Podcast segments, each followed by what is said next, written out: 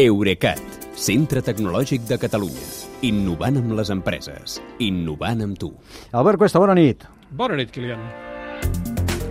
Avui tirem de nostàlgia, ja ho hem dit al començar, perquè d'entrada, després diràs més coses, però aquesta ja és molt segura, tothom gairebé ho ha pogut sentir, ara ho analitzarem. Avui deixa de funcionar el navegador web Internet Explorer de Microsoft, eh? I jo crec que gairebé ningú el trobarà a faltar. No. No, aviam, a l'Estat el fan servir només un 0,64% dels usuaris d'ordinador, al món poc més de l'1,5%, i si a més dels ordinadors contem també els mòbils, Explorer ja és del tot invisible a la xarxa, sobretot si el compares amb el gegant Google Chrome que fan servir un 70% dels internautes. Però durant molt temps va ser el, el dominant, no? El, Uh, sí, el sí. navegador eh, web dominant. Era, era el que feia servir tothom, sobretot perquè venia inclòs de sèrie Clar. amb el, amb el sistema Windows. I aquest fet li va costar a Microsoft multes per pràctiques monopolístiques. Uh, Explorer va néixer l'any 1995, que, uh, quan ens connectàvem a la xarxa per mòdem, per línia telefònica, i el programa, de fet, s'havia instal·lat des d'un CD-ROM. Quins temps? Uh, quins temps, sí. Aviam, jo suposo que potser molts oients ja no el van arribar a fer servir mai, però en el seu moment recordarem que hi havia pàgines web, fins i tot d'or- d'organismes oficials, que només funcionaven si les visitaves amb Internet Explorer. Uh, aquesta omnipresència va fer que Microsoft no s'esforcés gens a millorar el rendiment del programa, que era francament lent i tenia errors, i per això cada vegada més usuaris es van passar a alternatives més ràpides de tercers, com Firefox, Safari i sobretot el que dèiem, Google Chrome. Ja.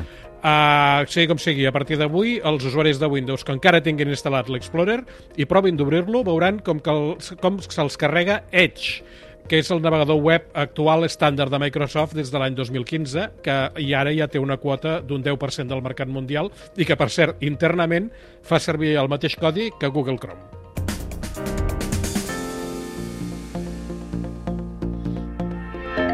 Aquesta apagada definitiva d'Internet Explorer als 27 anys, eh?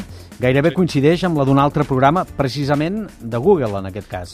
Sí, en aquest cas no seran els fatídics 27 anys, que, que, és la mateixa data amb la que van deixar aquest món eh, Jimi Hendrix, Jenny Joplin, Jim Morrison, Kurt Cobain i Amy Winehouse. No sé si el Blai Mercè tindria alguna cosa a dir d'això. Segurament s'hi podria apuntar perfectament, sí. Sí, doncs, bueno, no són 27 anys, però demà deixarà de funcionar després de 16 anys Google Talk, que és la primera aplicació de xat de Google. Va néixer l'any 2005 pels usuaris del correu Gmail. Eh, De fet, ja fa anys que Google Talk no funcionava com a aplicació, però encara s'hi podia xatejar a la plataforma fent servir aplicacions de tercers com Pidgin i Adium. A partir de demà ja no es podrà fer ni això. Bé, val a dir que no és que Google tingui gaire èxit amb els serveis de xat, perquè l'any 2013 ja va treure l'aplicació Hangouts per, poder, per provar de captar els usuaris de Google Talk, però tampoc se'n va sortir i també el van anar retirant. Ara, el xat oficial de Google es diu Google Chat, i de fet és un dels que jo faig servir habitualment, però segurament la majoria dels que sou a WhatsApp mai us haureu pres la molèstia ni d'obrir-lo.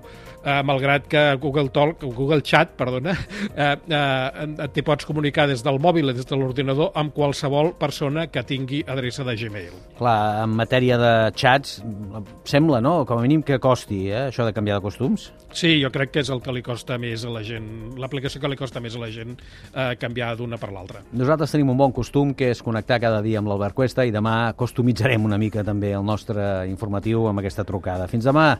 Doncs fins demà, Kilian, bona nit. Eurecat, centre tecnològic de Catalunya. Innovant amb les empreses. Innovant amb tu.